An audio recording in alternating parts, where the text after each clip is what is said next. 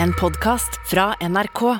De nyeste episodene hører du først i appen NRK Radio.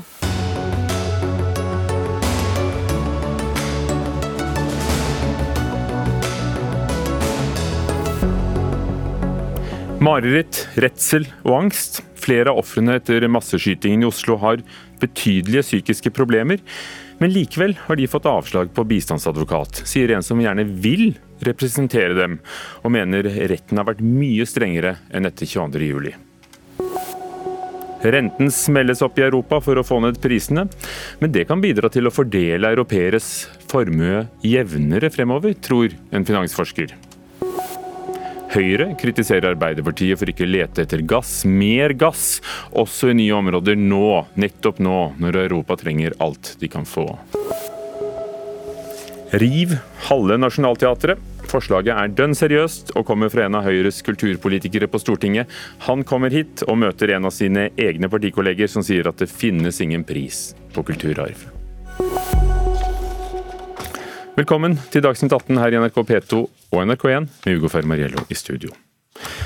Nå blir det dyrere å ha lån for europeere og bedre å sette penger i banken. Den europeiske sentralbanksjefen Christine Lagarde slo til i ettermiddag med et rentehopp på 0,5 prosentpoeng, og dermed gikk renten bare opp til null. Men dette er den første rentehevingen på elleve år i eurosonen. Marius Gonsholt Hov, sjeføkonom i Handelsbanken. Hvordan eh, låter dette i dine ører? Nei, altså det var jo litt overraskende, må jeg si det. Sånn ut fra hva som var venta på forhånd. Det var jo venta at de ville være litt mer forsiktige og heve med 0,25 prosentpoeng, og så klemmer de til med 0,5 prosentpoeng. Eh, det er ikke helt ut av det blå, for å si det, men, men samtidig så må man si at det var noe overraskende. Ja, hvorfor går de ikke mer forsiktig frem, tror du? Nei, altså Bakteppet her det kommer vi sikkert mer inn på. Det er jo svært høy inflasjon i eh, eurosonen. Dette er de opptatt av å få dempet. og understreker jo da at eh, de syns det er et poeng nå å kunne gå litt kjappere fram i starten. Mm. Ola Honningdal Grytten, økonomiprofessor ved Norges handelshøyskole. Både den norske og europeiske sentralbanken prøver å holde prisveksten på 2% i året. Men nå er den jo langt høyere. altså 8,6 er den generelle prisveksten. Denne kjerneinflasjonen som det heter er 4,59. altså Er ikke det et litt vel stort uh, mål? Hvorfor sendes ikke renten opp mer? det er et godt spørsmål. Eh, nå skal klar over at inflasjonen skyldes for tida flere årsaker. Eh, en viktig årsak er jo krigen i Ukraina. Og Hvis vi ser på den utvida eh, konsumprisindeksen som, som, tar med energipriser, så, så, er det klart at det, Energiprisene har også gått opp pga. krigen, men de, de, har steget uansett og kommer til å være høye. Så, og, og, Sentralbanken ser jo først og fremst på eh, kjerneinflasjoner som som er lavere, men likevel er den langt over mål målet. Eh, og, og, En årsak til, til, det er jo nettopp at man under covid eh, pøste på med penger, samtidig som Eh, markedet på en måte ble stengt ned, og da fikk man et overskudd på penger, som førte til sterk inflasjon. og Så har man holdt renta lav for å stimulere økonomien etter covid til å komme i gang igjen. Det som forbauser meg, det er at man både i Norge og i andre land og Norge kan jo ikke opptre alene, så vi må gjøre det andre gjør. Og Den europeiske sentralbanken har venta så lenge med å sette opp renta. Jeg mener at det burde man ha gjort tidligere. Og jeg mener også at eh, de forskjellige regjeringene burde ført en strammere finanspolitikk. Eh, både i år og kanskje forrige år også. Espen Henriksen, finansforsker ved Handelshøyskolen BI. Har de vært treige? Jeg tror det er vanskelig å si det om eller komme med sånn politikkutsagn liksom, om de finanspolitikken har vært god, dårlig, pengepolitikken god, dårlig. Men jeg tror at det er heller viktig å se på hva skal det strukturelle og disse tre problemene som Den europeiske sentralbanken har. Så på ene siden så har de da et inflasjonsmål. Dette er det, da Den europeiske sentralbanken ble satt opp, så skulle du styre da etter inflasjon på 2% Veldig strengt. Men så har du samtidig den andre ting du er nødt til å ta hensyn til, er at du har veldig høy gjeldsbelastning i um, de søreuropeiske landene. Slik at man er redd for å komme i en sånn gjeldsspiral ok, hvis man øker renten. Og så kommer kredittpåslaget i tillegg til å bli enda større, og så spinner dette ut av kontroll, slik at man da får en de går konkurs. Også det tredje hensynet som er, det er nettopp folk da som sier ja, men dere har et mandat. Dere har ikke lov til å drive finanspolitikk. Dette er finanspolitikk. Hvis dere tar hensyn til de søreuropeiske landene. Ja, hvordan løser de det? For det er altså fra Tyskland til Hellas, det er store behov, forskjell i behovene her? kjempestore forskjeller i behov, og i tillegg det at du da har en, felles pengepolitikk, men ikke en felles finanspolitikk. Og det som enkelte da vil argumentere for nå, er at man da den sentralbanken faktisk driver finanspolitikk, at de driver en form for felles finanspolitikk, og hvor da andre vil si at det har dere ikke lov til, det er ikke mandatet deres. så dette er fryktelig vanskelig. Men Har de funnet en måte å, å, tilfredsstille la oss si Italia på den ene siden og, og Tyskland på den andre? Så, så, De har introdusert i dag noe de kalte transmission protection Hva var det de kalte det? Det er program, ja. Mm -hmm. eh, og som nettopp er da dette at de da skal kjøpe flere Altså sentralbanken skal kjøpe flere italienske statsobligasjoner nettopp for å hindre en slik eh, gjeldsspiral, at den kommer ut av kontroll. Men da er problemet er at enkelte vil nettopp si at denne transmission protection program ikke er noe annet enn at sentralbanken begynner å drive finanspolitikk. Sånn at man er igjen ute i um, hva skal si, uncharted territory. altså ja. Ukjent territorium og, for de, og gresk for de fleste av oss. Men vi skjønner at anklagen er at de, de beveger seg inn på politisk område. Marius Kansersholm, hva sier du? Det, har de tatt en ny rolle? Driver de aktiv finanspolitikk nå? Jeg skal ikke gå inn på den juridiske skillelinjene der, men dette Nei, men er debattert. Men, men, men, men, eh, ja, men det, det, koker fort litt ned til det. Men, det er jo absolutt et poeng, det, det verktøyet som de introduserer her. Og Det tror jeg også var en eh, viktig bakgrunn for at de faktisk da kunne heve såpass mye med 0,5 prosentpoeng i dag. Det er at de nå samtidig da har et verktøy som de har tiltro til, som de mener at de kan bruke til å dempe da det som potensielt kan bli større renteutslag i mer sårbare økonomier, og da tenker vi jo spesielt på italiensk økonomi. Men hvordan vil det virke? Altså Renten er bare null, Europa sliter, energi er kjempedyrt. Så, så hvordan skal en nullrente i det hele tatt klare å, å, å stagge inflasjonen? Altså Renta er jo fortsatt veldig lav, da, bare for å si det. Men eh, det er litt det som Grytten var inne på. og det er at Når vi snakker om høy inflasjon i eurosonen nå, så er det ikke da bare fordi at de har eh, høy vekst i matvarepriser og energipriser, men underliggende pris, den underliggende prisveksten, altså kjerneinflasjonen, har jo også blitt svært høy. Og dette her er jo noe som vi har sett bygd seg opp egentlig ja, godt i forkant av eh, krigen. Så det er nettopp da denne ubalansen da, mellom produksjonskapasitet og etterspørsel i økonomien som man da forsøker å uh, få jevnet litt mer ut. Og Tror du, Ola Honningdal Grytten, som nettopp uh, professor med det, med det, litt lange perspektivet også bakover, vil det virke vil det virke alt det de gjør, rente på null, men også disse andre tingene for å ta hensyn til at, at italienere trenger noe annet enn tyskere? Eh, altså det er jo Euroens problem det at eh, man skal ha felles valuta og felles rentepolitikk for et, et stort område som, som kanskje ikke er, er, homogent nok. Men, eh, men klar null er lav rente, og jeg tror at den europeiske sentralbanken kommer til å gå enda høyere opp. Det er farlig for Italia, men man må også tenke litt på lang sikt. Fordi at lav rente over lang tid det stimulerer jo til store låneopptak.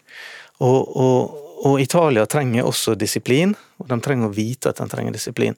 Så på lang sikt så, så må Italia også tåle høyere rente, og, og man har venta veldig lang, lenge med hensyn til, til, Hellas, Italia og Spania. Blant annet må, må sette opp renta, og så gjør man det nå, og det, og det er riktig.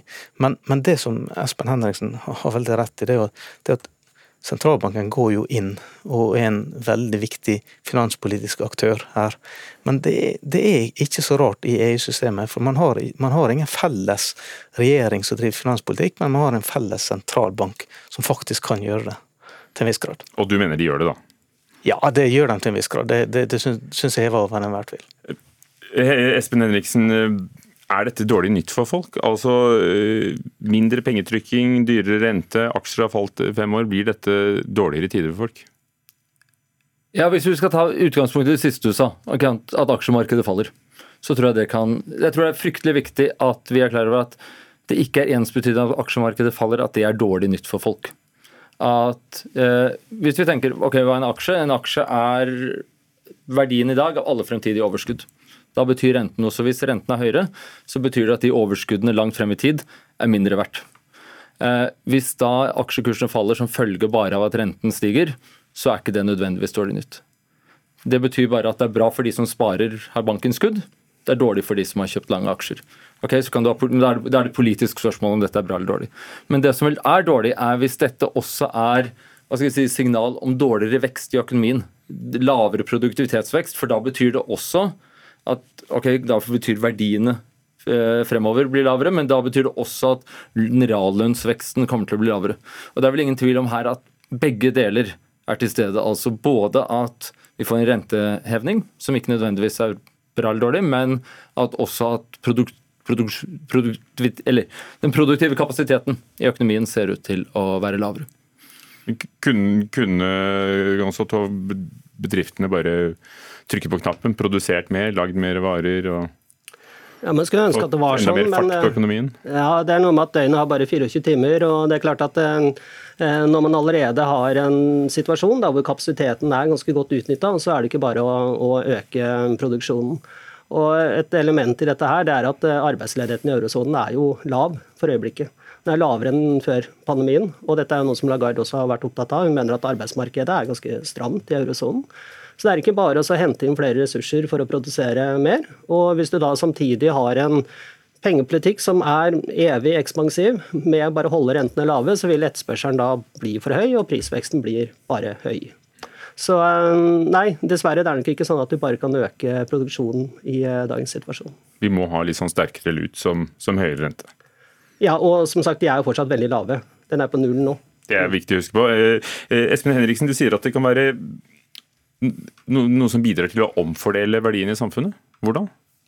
Jo, altså hvis eh, hva skal vi si, folk har forskjellige eiendeler, slik at hvis da rentene faller, så er det de som har eiendeler som på økonomispråket til lang altså som, har, som skaper verdi også på lang sikt, de vil da få en mye større formuesøkning enn de som bare har eiendeler som f.eks. bankinnskudd. Slik at, nå sier Jeg ikke at, jeg, jeg vil ikke komme inn på hva er en god og en dårlig fordeling, men det er helt klart at her fordeler vi verdier hvis rentene endres. Det, det, er, det, er ikke, det, er, ikke, slik at det er bra med rentekutt og dårlig med renteheving. Men Her snakker vi de store linjer og, ja. og, hele Europa. Nå må vi ikke glemme at vi er fem millioner her i Norge, og spørre oss hva betyr det for oss? Eh, Ola Honningdal Grøtten, hva betyr det for norsk økonomi? Ja, altså Økende rente i eurosona. Eh, for det første så, så bidrar det til, til økende rente internasjonalt. Men en annen sak er at økende rente, så vil folk da gjerne spare litt mer og låne litt mindre. Og eh, da blir aktiviteten i økonomien i eurosona mindre. Da etterspør man også norske produkter mindre. Så det kan gå litt utover norsk eksportsektor. Eh, det kan også føre til, hvis ikke vi ser lignende rentehevinger i Norge, til at euroen styrkes i forhold til krona, da blir det dyrt for den industrien som må importere komponenter fra Europa, og det blir dyrt å reise på ferie til Europa. Men du er med oss fra Ålesund. Når det gjelder nettopp varer som fisk og klippfisk og gass og olje, ja. så er vel det sikre vinnere uansett, er det ikke det? Selger veldig mye av det i dollar, da. Eh, amerikanerne øker jo også renta. Eh, men det er, en, det, er en, det er, en, fordel med Norge at når f.eks. oljeprisene faller, så, så, så faller krona, og så, så selger vi, varene våre i utenlandsvaluta. Så, så, så det er en slags mekanisme. Men, men, men det er klart at når, når, når EU forventes å gå saktere og få høyere rente, så, så, vil det samme skje i, i Norge. Det vil påvirke Norge iallfall. To ord, Espen Henriksen, hva vil du si for oss? Jeg må innrømme at jeg Eller jeg tror at det viktige er å se på det som faktisk driver dette, eller mye av det. At eh, Produksjonskjedene fungerer litt dårligere enn det vi trodde før pandemien. Krigen i Ukraina. Da bør vi egentlig fokusere på noe helt annet enn de økonomiske tapene vi har. Men det betyr også at den produktive kapasiteten går ned. Vi bør fokusere på å vinne krigen. Ja, to ord. Altså, vi er på vei ut av en, et, eh, en situasjon med ekstremt lave renter. Nå er det ikke fullt så ekstremt lave lenger, men uh, vi må huske på hvor vi kommer fra. Altså. Så egentlig nærmere noe mer normalt? Ja, altså se til Norge. Vi har enda ikke samme rentenivå per i dag som vi hadde før pandemien. Takk skal dere ha, alle sammen. Marius Gonsolt Hov, sjeføkonom i Handelsbanken, Espen Henriksen, som er finansforsker ved Handelshøyskolen BI, og Ola Honningdal Grytten, professor ved Handelshøyskolen i Bergen.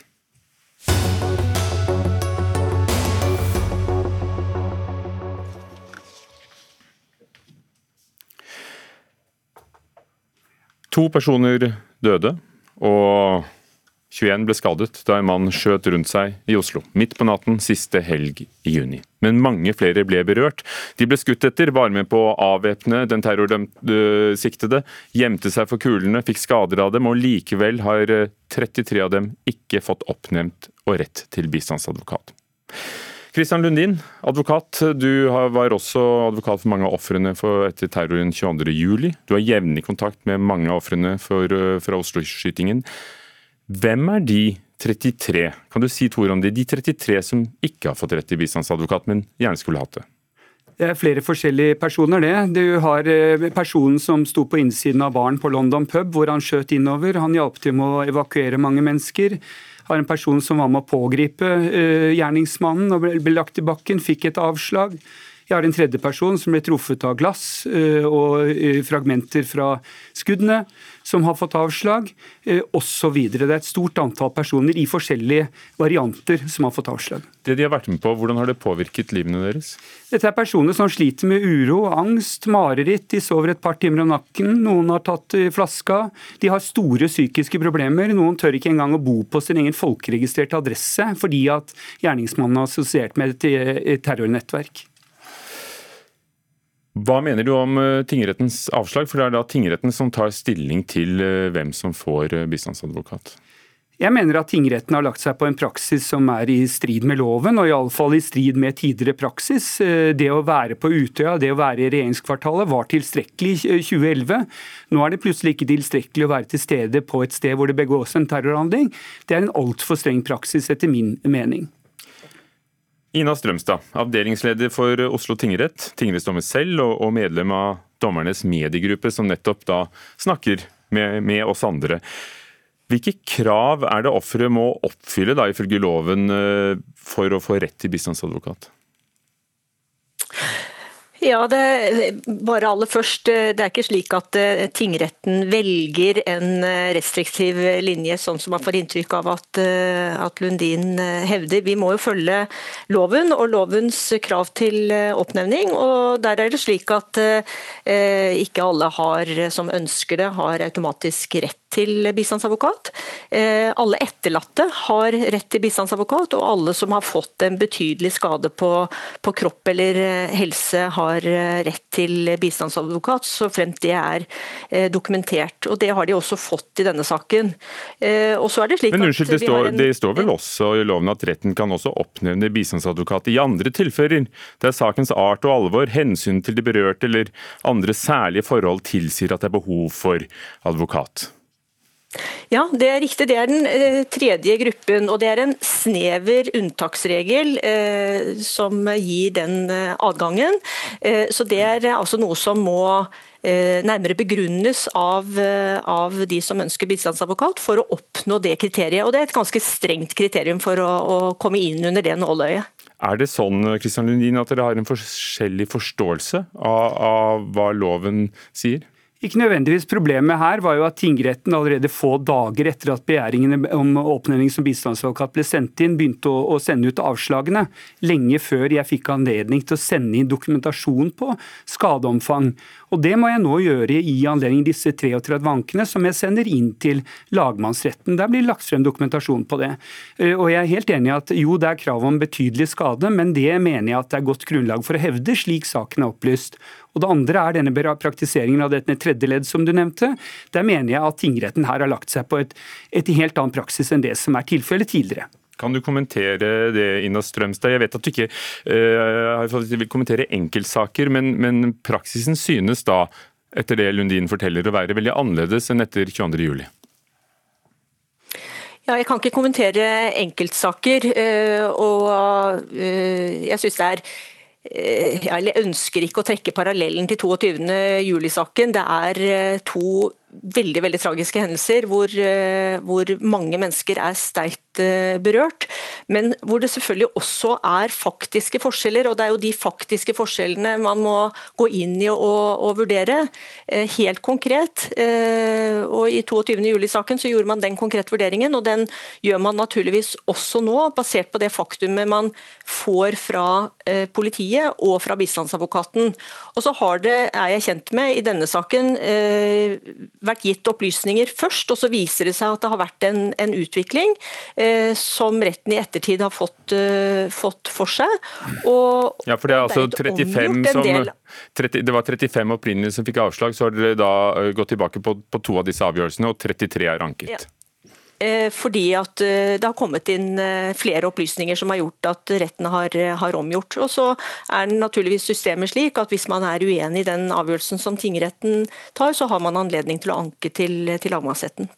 Er du enig i dette, Lundin, at det er, det er forskjellige saker må behandles forskjellig og se på konkrete fakta, altså siden du selv trakk parallellen til 22. juli. Ja, selvfølgelig skal man vurdere saken som sådan. Problemet nå er at disse avslagene kom veldig tidlig. Og dette er personer Det virker ikke som om tingretten har tatt inn over seg alvoret i saken, for dette er personer som har betydelige medisinske problemer. De sliter voldsomt.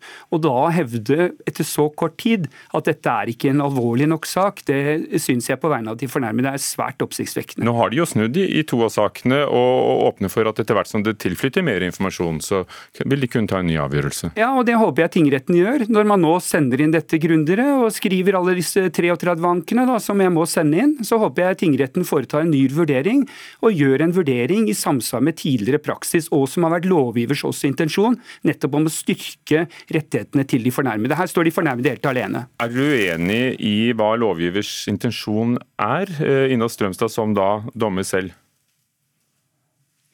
Nei, eh, Lovgivers intensjon er, eh, er, klar, og det er jo eh, loven og lovgivers intensjon som retten forholder seg til når den vurderer om, om vilkårene for bistandsadvokat er oppfylt. Og så kan selvfølgelig det være slik at en, et, en fornærmet eller et offer for en straffbar handling kan se annerledes på det Eh, enn det tingretten gjør. og Det er jo derfor man har muligheten til å, å anke. For jeg får lyst til å spørre Strømstad, Hvordan samarbeider dere med politiet eh, når dere eh, undersøker disse sakene, fordi disse menneskene er jo da allerede fått status som fornærmede av politiet?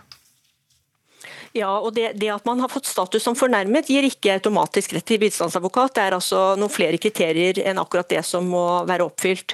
Og Saksbehandlingen er sånn at uh, det må komme en, en begjæring, eh, og den kommer typisk da fra, fra bistandsadvokaten selv, eh, med en nærmere begrunnelse for hvorfor bistandsadvokaten mener at vilkårene er, er, oppfylt, og så baserer vi oss på det. Så har det også vært tilfeller hvor politiet har fremmet en sånn begjæring, og gir oss opplysninger. Men vi, vi gjør ikke egne undersøkelser av eh, om mm. vilkårene er oppfylt. Det er altså opp til bistandsadvokaten å sannsynliggjøre at vilkårene er oppfylt. Lundin, kan det være at uh at dette vil endre seg når du, når du da får sendt mer informasjon, og, og, og, nettopp gitt det eh, som dommeren her etterlyser? Ja, Problemet var at jeg varslet at jeg kom til å sende inn mer dokumentasjon på skadefølger, men så kom avslagene før jeg fikk anledning til å sende inn den dokumentasjonen. Så det er problemet. Og du eh, mener det er en uvanlig og streng praksis? Ja, det er jo stikk i stil med tidligere praksis, og jeg kan ikke fatte og begripe hvorfor tingretten har lagt seg på en så streng linje i denne helt spesielle saken. Men som sagt, denne dokumentasjonen blir fremlagt. Si oss Fortell oss med to ord hvorfor en bistandsadvokat er viktig for ofrene. Hva gjør du når du er bistandsadvokat? Min eh, rolle er å ivareta den fornærmedes interesser inn i saken, og i dette tilfellet på etterforskningsstadiet. Og, og, og begjære eventuelle etterforskningsskritt. Dette er personer som har krav på erstatning. Hvem skal ivareta deres interesser? Jo, det er bistandsadvokaten. Hvis de får et endelig avslag, ville de kunne selv betalt en advokat som ville fått det samme innsyn i saken som det du får hvis du blir åpnet? Det kan de gjøre. De kan engasjere en advokat på, på å betale for det selv, og det er situasjonen nå. Nå er de kastet i en situasjon hvor de ikke får en betalt advokat fra staten. Men Strømstad, du er altså uenig i at dere har en annen og strengere praksis? Eh, ja, det er jeg jo uenig i. Vi forholder oss til, og det er jo ikke sånn at vi velger som jeg sa, velger en praksis. Vi eh, forholder oss til loven og lovens eh, kriterier. og Er bistandsadvokaten uenig i vår vurdering, så har han altså rett til å, å, anke. og Den anken går jo da via tingretten, sånn at vi får muligheten til å omgjøre den, den beslutningen vi først har tatt, dersom det har kommet frem nye opplysninger som gjør at det er grunn til å, å endre den beslutningen. Og så er det også på et annet område hvor eh, ofrene etter eh, denne skytingen i Oslo 25.6 føler seg sviktet. For det er opp til hver enkelt hjemkommune, altså der du bor, eh, å tilby den helsehjelpen som, som, de trenger. Og den kompetansen på f.eks. traumer er varierende. Inge Alexander Gjestvang, du er leder i FRI, Foreningen for kjønns- og seksualitetsmangfold. Du har hatt kontakt med flere av ofrene. Hva er det dere etterlyser? Ja, vi er skeptiske til å bare overlate alt ansvar for oppfølging, eh, ettervern og psykososial støtte til eh, kommunene. Eh, som du nevner selv her, så er det jo varierende kompetanse og ressurser og mulighet til å tilby den oppfølgingen som, som trengs. Men det er nå engang sånn vårt helsevesen er, er bygd opp, da? Absolutt, men eh, vi er eh, bekymra for at faktorer som eh, kommuneøkonomi og ressurser kan påvirke muligheten til å få den hjelpa som trengs. En av de klare anbefalingene fra 22.07-kommisjonen var viktigheten av god psykososial oppfølging. og det er jo sånn at Støttegruppa etter 22.07 òg er ute og kritiserer at regjeringen nå legger seg på samme linje som regjeringen gjorde etter terroren 22.07.2011. Ole Henrik Kratt Bjørkholt, eh, statssekretær i Helse- og omsorgsdepartementet. Ja, har vi lært noe etter 22.07? Burde vi hatt en egen type beredskap for en eh, traumatisk hendelse som denne? Ja, det er klart eh, Alle deler av samfunnet har lært mye av 22.07. Både de enkelte kommunene Har vi det hvis det fungerer akkurat likt som sist? Ja, vi, vi, har stor tillit til at Og vi har også gitt eh, kommunene klar beskjed om at de forventes å prioritere denne typen saker og tilby nødvendig helsehjelp til de som trenger det. Vi har også bedt dem om å være proaktive eh, og på selvstendig grunnlag også oppsøke eh, f.eks. skeive miljøer i sine kommuner, slik at det ikke bare blir opp til den enkelte selv å be om hjelp.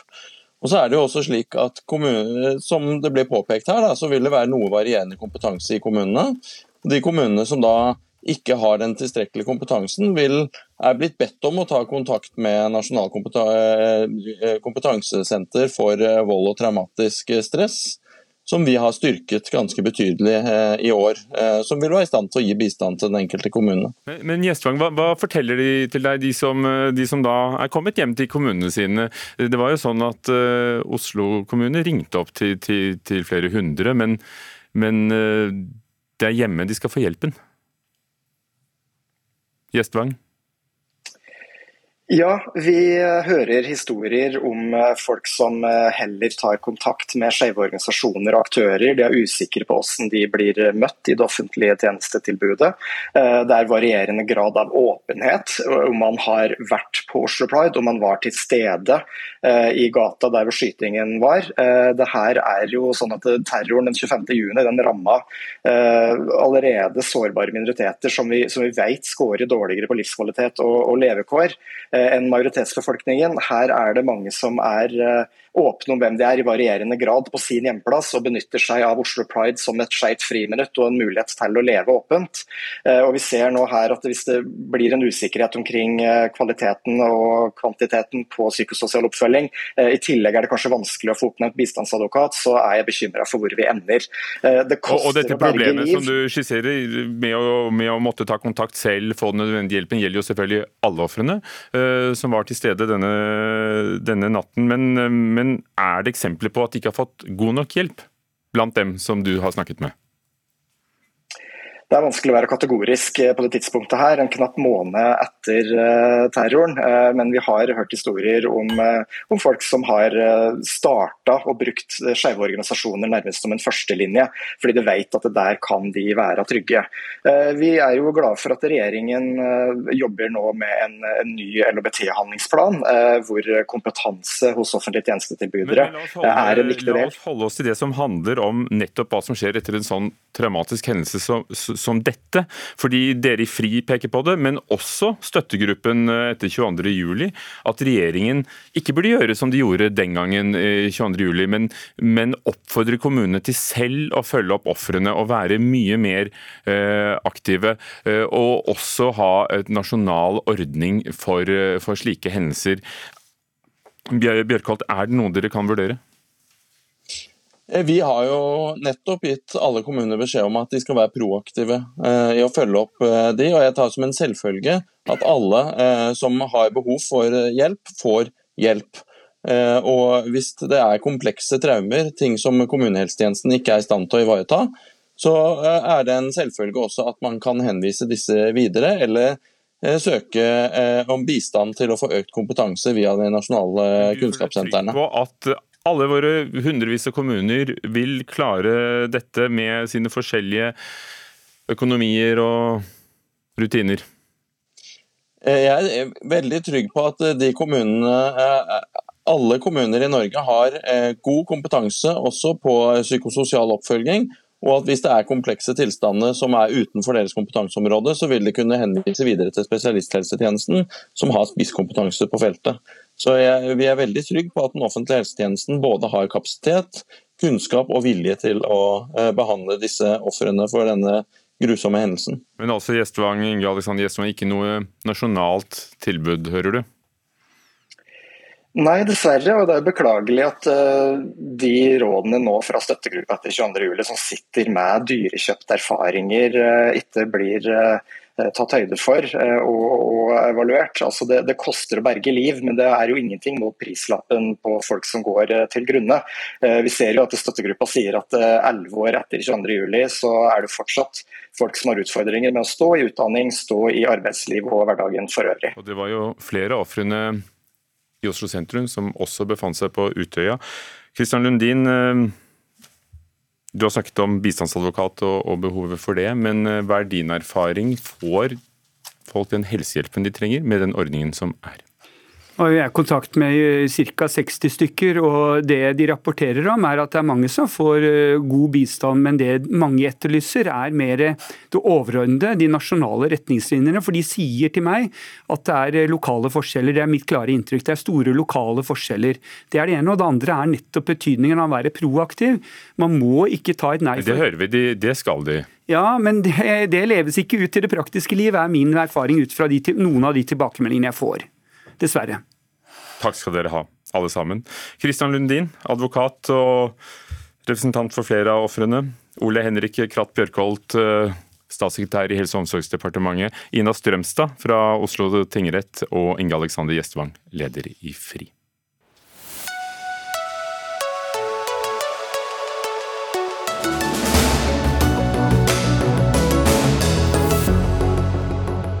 Å sitte stille er et stort problem for, eh, for alle og for befolkningen. Men flere elever mener at nettopp eh, kroppsøvning eller gym ikke skaper nok glede og motivasjon for det å leve et aktivt liv. Og VG har skrevet om en 18 år gammel jente som fikk en sekser i alle fag i videregående skole, men snittet ble ødelagt av en femmer i gym. Som hun for så vidt mente var eh, rettferdig, men vurdering i gymfaget er veldig ujevn. Og det fikk deg til å skrive 'Dropp karakteren i gym', Gerti Lund, forbundsleder i Norsk Fysioterapeutforbund. Hvorfor skriver du i VG dette at vi skal fjerne gymkarakteren? Det er fordi jeg ønsker en eh, debatt om eh, målet med kroppsøvning. Og hvis man leser læreplanen for kroppsøvning, så skal jo faget motivere elevene til å fortsette med fysisk aktivitet etter en skolegang. Og skal du få til det, så må du skape bevegelsesglede. Og hvordan vurderer man bevegelsesglede og erfaring med kropp og aktivitet? Men hvorfor eh, ta bort bare karakteren i bare ett av fagene på skolen? Altså Her er det jo en vifte av fag som sammen skal, skal eh, gjøre oss til gode mennesker. Ja, men hvis vi skal se litt på vurderingskriteriene i eh, kroppsøvning, så går jo det bl.a. på innsats. og Hvordan måler man innsats i kroppsøvning? Vi har elever som kommer inn med utrolig ulik bakgrunn. Sosioøkonomiske forhold vet vi skaper stor ulikhet i aktivitet, inaktivitet. Eh, så her tenker jeg at da må vi jo se hva er målsettinga med kroppsøvning på skolen. Kroppsøvning er et kjempeviktig fag. Kroppsøvingslærerne gjør en kjempeviktig jobb. Det som er synd, er jo at ikke det ikke er flere kroppsøvingslærere. Det er vel ca. halvparten av eh, kroppsøvingstimene som foregår uten faglært kroppsøvingslærer. Elise Vågen, utdanningspolitisk talsperson i Arbeiderpartiet. Du sitter på Stortinget for Arbeiderpartiet. Ehm, du vil beholde gymkarakteren, men når bare halvparten av lærerne er fagutdannet, hører vi, for får ta Gertis ord for det. Eh, hvorfor ønsker dere dette hvis faget kanskje blir ujevnt vurdert? Nei, først og fremst er jeg helt enig i at Kroppsøvning er et viktig fag. og Det er nettopp derfor jeg mener at vi bør bevare karakteren i kroppsøvning. Så Hadde vi liksom brukt samme argumentasjon på de andre fagene, norsk, matte og engelsk, med at dette er fag som er så viktig, så dette kan vi ikke ha karakter i, så hadde vi jeg tror, vært veldig enige at det gir ikke mening. Så jeg mener at nettopp fordi at faget er så viktig, så bør vi beholde karakteren. fordi at det gir også muligheten for elevene å få tilbakemeldinger underveis, og det stiller også krav til lærerne. Og så er det helt helt riktig at det er sånn ca. halvparten av lærerne som har kompetanse i faget. Og Hvordan skal de da ha kompetanse ja, til å vurdere? Nettopp, og sånn bør det ikke være. Men da er vi til kjernen av problemet. Problemet handler jo om at de som underviser i faget, ikke nødvendigvis har kompetanse i det. Ikke det at vi bør fjerne karakteren. Nå er vi i det at vi ruller inn nye læreplaner i faget kroppsøvning. Det er kjempeviktig, og de må få virke. Jeg mener at Det viktigste vi kan gjøre nå, er å sørge for at vi har kompetente lærere som underviser i faget, og som nå får etter- og videreutdanning. Det sørger vi for. Vi har en økning i 40% av lærerne som får etter- og videreutdanning i praktiske og estetiske fag. Så ved at vi går til kjernen av problemet, så mener jeg at det er det vi bør snakke om, ikke nødvendigvis karakteren. Gerti. Ja, nei, jeg tenker jo fortsatt at eh, Målsettinga med kroppsøvning må være det som eh, gjør også hvordan vi skal vurdere eh, elevene. Men vi har... Det er jo ting, det er en læreplan. Det er, ja, det er ting du skal lære lære... som du kan måle, målesette. Det handler jo ikke bare om å bli glad i å bevege seg. Hvor mye kan du måle innsats i en, i en, for en elev? Altså, her handler det om hvilken erfaring har man med aktivitet i utgangspunktet. Det er ekstremt store forskjeller. Bare inne i Oslo så er det jo stor forskjell på hvor mye fysisk aktivitet elevene har fått prøve ut eh, i forhold til hvem de har som foreldre. Eh, det sto en svær artikkel i Aftenposten nå på søndag var det vel, i forhold til dette med, med ulik aktivitet hos eh, barn. Men, men, dette gjelder vel mange fag? At, at du har forskjellig ståsted, kommer fra forskjellige hjem, har forskjellige interesser? Ja, men jeg tror vi må se kroppsøvning også i et folkehelseperspektiv. Eh, Norge, norske barn, er mindre fysisk aktive enn f.eks. britiske og amerikanske barn. Det er ikke veldig mye å skryte av. Eh, hvis vi skal se, ta perspektivmeldinga på alvor med ja, La oss ta de poengene foreløpig, spar på perspektivene. Eh, Elise Vågen, altså deler av karakteren. Hvordan måler du innsats? Altså, og Noe av karakteren blir jo i hvert fall i dag målt, har jeg skjønt, på fysisk styrke, løpetest, friidrett og forskjellige styrkegrav til gutter og jenter. Det kan jo slå ut tilfeldig? Ja, altså nettopp Her handler det om det å ha kompetente lærere. Lærere som har kompetanse i faget, og som er gode på læreplanen og de kompetansemålene som er der, vil også kunne vite hvordan man skal kunne vurdere det. Og Kroppsøving i dag handler om så mye mer om det å være god i å løpe fort, eller det å være veldig god i å spille strandvolleyball. Det handler om det å kunne lære, utvikle seg underveis og være i en prosess. Og nettopp det tar også det nye fagplanet opp i seg. Så jeg mener at man egentlig bommer litt på ballen når man nå snakker om hvordan er det vi skal få mer aktivitet inn i skolen. Da må vi heller snakke om hvordan er det vi skal øke kompetansen til lærerne nettopp på det feltet, i stedet for å snakke om karakterene i seg selv. Og det tror du dere får gjort sånn over natten? Nei, altså nå er det jo sånn at Vi har satt av milliardbeløp på det å etter- og videreutdanne lærere. og jeg mener at Det er et kjempeviktig bidrag for det å sørge for at vi har kompetente lærere i skolen som nettopp er med på å undervise i de fagene. Gertil du har et annet poeng i kronikken din. Å tilpasse gymtimene, kroppsøvningsfaget, til til utdannelsen de tar? At, at en som skal, skal, bli baker, trenger noe annet enn en som skal bli sveiser eller eh, studere? Ja, jeg tenker, altså Hvis du tar fag, eh, yrkesfagene i dag, så har de to timer eh, kroppsøvning på, i VG1 og VG2. To timer kroppsøvning som da også inneholder mye teori. Dette er ungdom som er i den alderen hvor man gjerne slutter i organisert idrett, begynner på videregående, skal inn i yrkesfag, og så blir de sittende rolig i to år med minimalt med fysisk aktivitet, og skal ut i tunge yrker. Eh, bruk det som ligger i kroppsøving. Tren kroppen til å tåle det jobbet og det yrket de skal ut i. Der fikk du en idé. Nei, altså, Dette er jo strengt talt egentlig ivaretatt. Altså, Kroppsøvning er ikke en kosetime. Kroppsøvning så stiller vi krav til elevene våre, og vi skal også ha krav til å bli vurdert. Men så er det jo sånn at vi også har faget livsmestring i skolen. og Det handler om det å kunne ta gode valg i seg selv, men det handler om mye mer enn bare det vi lærer i kroppsøvning. Det er tydeligvis en stund siden jeg har gått på skolen, men er det riktig at faget gym skal telle når du søker deg på en utdannelse, som f.eks. medisin, som hun som startet hele debatten gjorde. Ja. Nå gjorde hun det så bra at hun kommer sikkert inn uansett, men men vi kan jo snu på det. Du har jo elever som kanskje hvor gymkarakteren eller karakteren i kroppsøving er nettopp det faget som gjør at man drar opp snittet. Så jeg mener at det blir feil å se det på den måten. Gym og kroppsøving er et veldig viktig fag, og det skal også være med og være en del av den totale vurderingen av eleven. Det, det høres ut som dere 10 000 fysioterapeuter må finne andre måter å inspirere oss til å bevege oss. Altså, Arbeiderpartiet og Norsk Fysioterapeutforbund vi har jo samme interesse når det gjelder fysisk aktivitet på skolen. Eh, der var den forrige regjeringa fjerna dessverre én time fysisk aktivitet aktivitet eh, om dagen, og den må vi få tilbake igjen. Men nå har vi ikke Erna Solberg her til å svare for det, så da får dere sprette opp av stolen. Takk skal dere ha. Gerti Lund, forbundsleder i Fysioterapiforbundet, og Elise Vågen fra Arbeiderpartiet.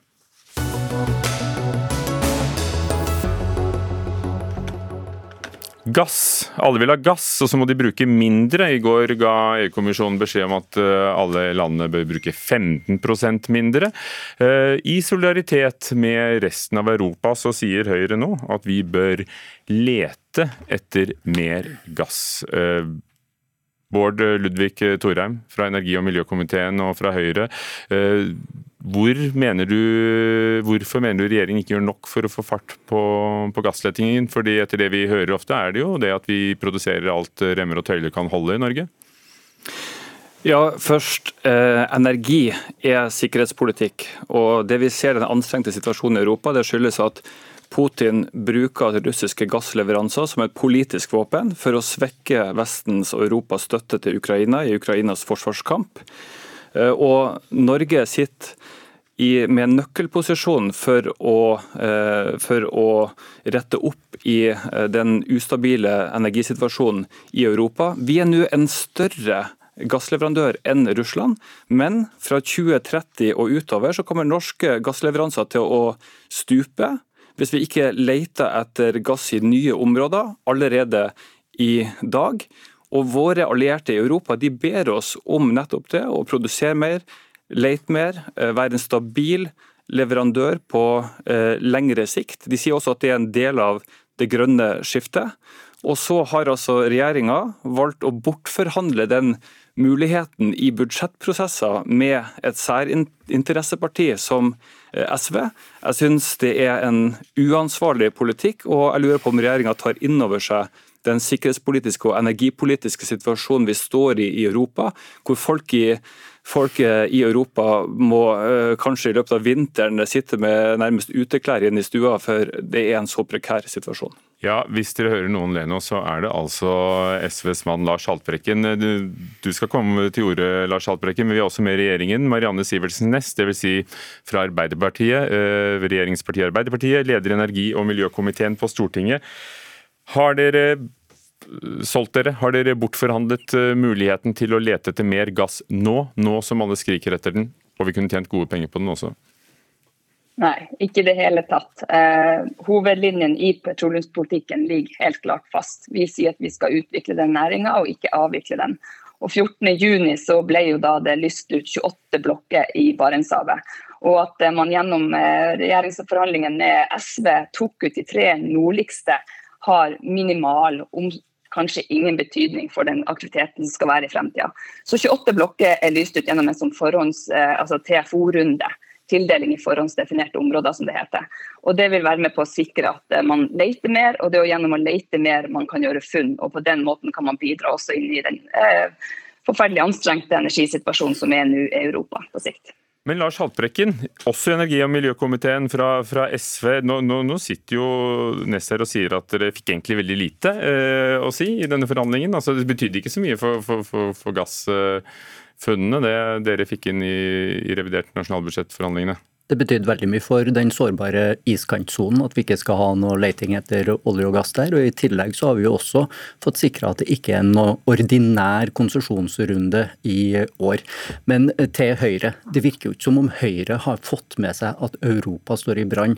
At Europa i disse dager Altså bokstavelig talt i brann? Bokstavelig talt i brann. Det er hetebølge, det er skogbranner, folk dør. De har klimakrisen tett innpå kroppen. Hva er hovedårsaken til klimakrisen? Jo, det er forbrenning av fossil energi. Hva er det Høyre foreslår midt i hetebølgen og de dramatiske skogbrannene? Jo, det er å lete etter mer fossil energi. Altså fyr mer opp under det bålet som gir oss de alvorlige eh, klimaendringene som vi nå er vitne til. Torheim? Ja, eh, det er jo akkurat det de europeiske landene sjøl ber oss om, det er å lete etter å produsere mer gass. fordi at det har jo eh, knapt vært en sterkere økning av kullkraft i Europa enn det vi ser akkurat nå. De starter opp det ene etter det andre kullkraftverket som gir enorme utslipp. Mye mer enn eh, en gass. Altså Gass fortrenger kull. EU sier sjøl at Gass er en del av klimaomstillinga. De kommer til å ha behov for det langt utover 2030. Og Den sikkerhetspolitiske situasjonen som jeg nevner her, den eh, er altså ikke Haltbrekken eh, interessert i. Og til Marianne eh, Sivertsen Næss må jeg bare si at hun ønsker altså at det ikke skal letes i nye områder i Barentshavet i det, i det hele tatt. Det er visst greit. Det er et helt feil signal å gi til våre allierte i Europa. Se hva, hva Putin gjør nå. Han kommer til å holde eh, hele situasjonen i, eh, i en sånn usikkerhet gjennom hele vinteren. Og det er snakk om Europas felles samhold opp mot det grusomme nå, som Russland gjør mot eh, nabolandet. Nå, Torheim, dere sitter dere, nå sitter dere alle på hver deres tue. Alle har uh, hendene i været. Uh, Lars Haltbrekken først. Gass er da bedre enn kull? Kullkraftverkene fyres opp igjen. Og det er midlertidig. Men hvis vi ser på forslaget fra Høyre til løsning på den energiutfordringa som Europa står oppi, så er det da å leite etter mer olje og gass som gir mer klimakrise. Men i tillegg så løser det jo ikke problemet. For hvis vi gjør et funn i morgen, så tar det 10-20 år før vi får bygd ut og begynt å levere energi eh, fra det feltet. Vi må løse de energiutfordringene Europa står foran, lenge før Skal vi produsere mindre gass enn det vi gjør? Skal vi skru igjen allerede? Nei, vi skal ikke skru igjen nå, for vi har også støtta at Norge produserer fra de eksisterende feltene, men vi skal ikke åpne nye felt. Eh, og det løser ikke problemene, for det tar så lang tid. Vi må i stedet satse på havvind.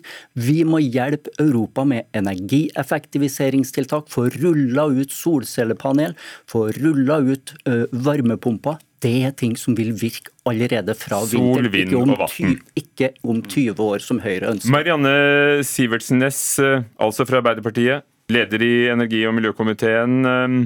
Her har du en som egentlig vil at vi skal satse enda mer på sol, vind og vann, og, og Høyre som sier at uh, må lete mer aktivt. Ja, og jeg støtter begge linjene, for det er akkurat det som er nøkkelen på hvordan vi skal komme oss ut av denne situasjonen. Men når du rir to hester på den måten, går det gjøre, går det an å støtte begge linjene samtidig? og, og, og, og få til det? For du ser situasjonen som er nå i Europa. Nettopp fordi at man struper inn på gassleveransene, så får du en energikrise. Og du får vanvittig høye strømpriser som også går inn på norske priser. Og Det er jo det som ville være situasjonen dersom, uavhengig av krig, men man begynner å sette sluttdato eller slutte å lete etter olje og gass, ja da er man ganske sannsynlig i en energikrise som vil stå seg over ganske, ganske mange flere år enn vi kanskje ser for oss akkurat nå. Så det vi må gjøre, vi må lete mer. Og til Bård Ludvig Thorheim så må jeg bare si at det er jo de nummererte rundene han viser til. Men poenget er jo at det er jo de TFO-rundene, og det er litt vanskelig med teknisk. Hva er TFO igjen? Men det, ja, det er tildeling i forhåndsdefinerte områder. Det betyr at du leter rundt allerede områder hvor det er aktivitet. Så hvis du eksempelvis gjør funn, så kan du bygge dem ut mye raskere enn om du gjorde det gjennom nummererte runder som er mer, altså helt nye områder. da. Så det vil jo nettopp også kunne hjelpe på den energisituasjonen, ikke i morgen, men på mellomlang sikt. Men det er klart, vi vet at også Europa og verden vil trenge olje og gass også langt forbi 2030. Så det vil være viktig at vi som produserer på renest mulig måte, også på lengre sikt bidrar inn i den energisituasjonen. Så, så, Hold pusten er du snill, eh, fordi det er så mange som vil ha sagt noe. Vi har bare et par minutter til. Men Bård Ludvig Thorheim, Høyre. Eh, Arbeiderpartiet vil, eh, vil, gjøre begge deler og vil, har utlyst nye konsesjoner. Hva konkret ville du hatt mer? Ja, men Det er ikke mulig å være enig med, med begge deler. Uh, hun sier hun er enig med SV. SV sier at eh, de vet bedre enn de europeiske landene sjøl, som sier at for en klimaomstilling så trenger vi norsk gass. og Det er jo fordi at SV får råd fra særinteresser. Men landene sjøl sier det, og de vet sitt eget beste. Og Du fikk ikke råd fra særinteresser? Får, vi får råd fra alle, men vi hører på våre, våre nære allierte land i Europa. og Den oppfordringa vil altså ikke Marianne Sivertsen Næss ta. og Men Hva konkret vil du at regjeringen skal gjøre nå? Hva kunne de, de gjort fortere ja, nå for å få mer gass? Fort. Altså, de kunne Allerede i fjor høst så sa vi vi støtter dere i å få 26. konsesjonsrunde. Da ville du fått masse nye eh, områder i Barentshavet som du kunne lete på. Og så sier vi du men, må ha en bedre områdeløsning. Men problemet ditt Bård Ludvig Thorheim, er at det ikke eh, eh, gir noen løsning. Tore, kom til et punktum først, og så får Haltbrekken ordet. Du får en bedre infrastruktur, sånn at det blir eh, enda mer eh, attraktivt å, å, lete og produsere gass fra Barentshavet. Dette kan vi gjøre sammen med EU. Regjeringa bør snakke med EU om det her. Få en fellesløsning, sånn som man gjorde med den polske gassrørledninger eh, til gass fra Barentshavet. Da vil vi kunne være en langsiktig og pålitelig gassleverandør du, du som jo, gjør vår Torheim, sikkerhetspolitiske rolle. Torheim, du, har jo, du har jo helt tydeligvis mangelfull kunnskap om hvor lang tid det tar å bygge ut et felt fra du gjør et funn til du faktisk får det i produksjon. Men dette trenger de på lang sikt, det går ikke så fort som du vil. Det tar 15 20 år, og vi er nødt til å løse La meg skyte inn en ting, en nyhet som kom akkurat nå mens vi har sittet her. EU ba jo om 15% kutt. Og så er det opp til landene å bestemme seg. Nå sier Hellas, Spania og Portugal nei til 15 gasskutt. Hvordan skal vi da løse energikrisen i Europa? Vi er nødt til å løse den gjennom en kraftig satsing på energieffektivisering. Jo, men nå mener jeg... jo, og, jo, men Det er det som er det mest hurtigvirkende eh, tiltaket. Sammen med eh, solceller og varmepumper, så er det det som vil kunne ha effekt eh, på kort sikt. Dere, kort sikt. Vi, det er det vi har vi her i Dagsnytt. Det er kort sikt. Takk skal dere ha. Lars Haltbrekken fra SV, Marianne Sivertsen Næss fra Arbeiderpartiet og Bård Ludvig Thorheim fra Høyre.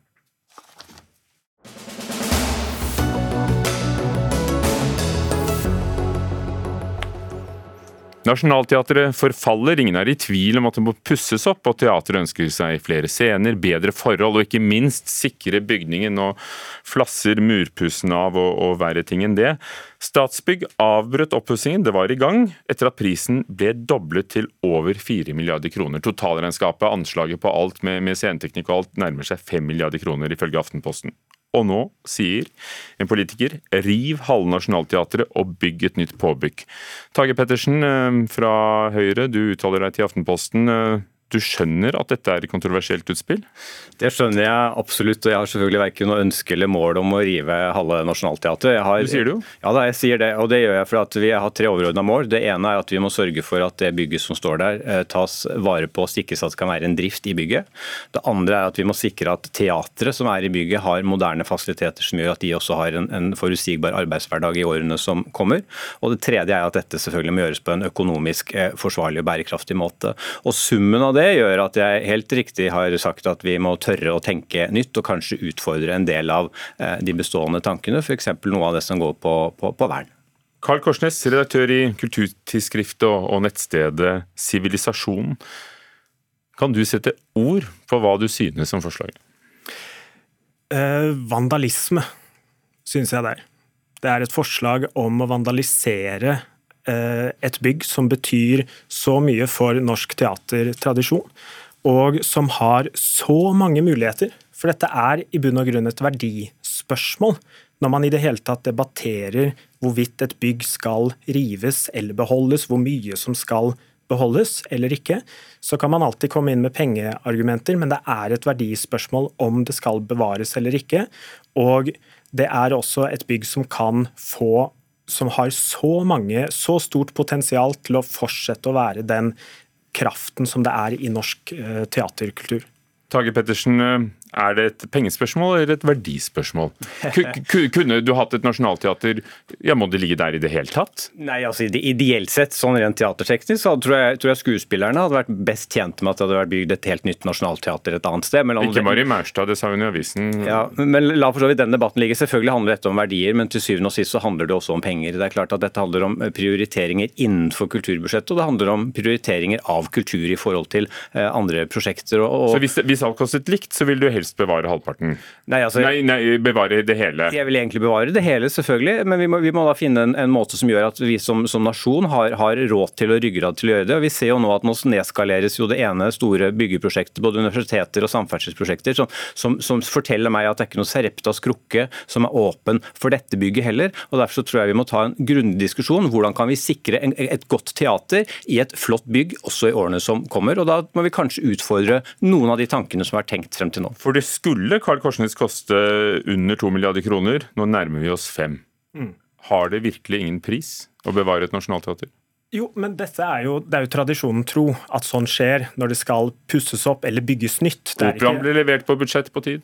Ja, det er, eh, det er, ikke noe særlig vakkert, det bygget der heller. Ja, Det er nå eh, din mening, men, men, det var ikke det som var poenget? Nei, men eh, det som er grunnen til at jeg sier at det er et verdispørsmål, er for å ta en kontrast. Da Sjuri-slottet brant ned det tradisjonelle vakre Shuri-slottet på Okinawa i Japan.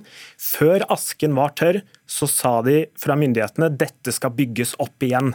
Og Hvis det handler om penger og ikke verdier, så kan Høyre og andre partier komme med forslag til hvordan finansiere at at teatret skal, eh, skal rekonstrueres bra. F.eks. privatfinansiering, pengerulling. Men Det kan hende at vi har en som kan det fra nettopp Høyre. Morten Stenstrup, leder i Oslo Høyre.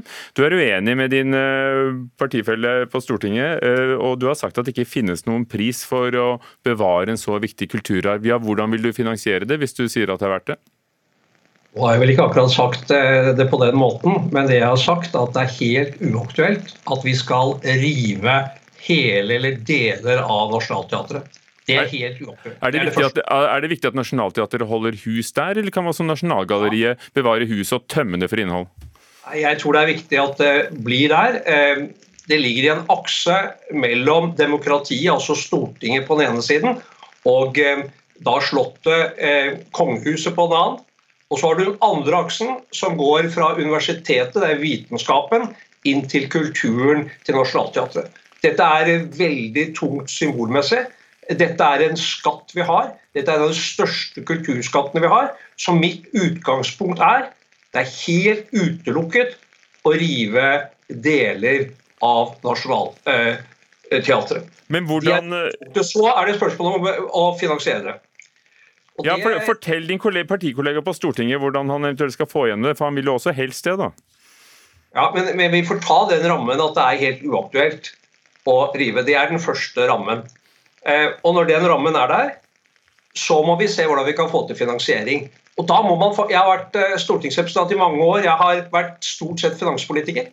Og jeg vet hvordan man skal si nei, men jeg vet også at av og til må du si ja. Og dette er en kulturinstitusjon som vi må si ja til. Og da må vi prioritere. Det er vi ikke noe gode til i Norge. Men da må vi eventuelt utsette andre prosjekter. Men Morten Stensrud nå, nå... Jeg, jeg, jeg får lov til å legge til at Tage han, han, han, tar jo opp en viktig debatt i forhold til at nå må vi få gjort noe. Og Det har jo også da eh, ministeren sagt, for ellers så ramler jo dette eh, bygget ned. og Da blir ikke spørsmålet å rive det, da ramler det ned. Men Tage har sagt én ting som er viktig. Han vet ikke om hans eh, løsning er billigere. Tage Pettersen.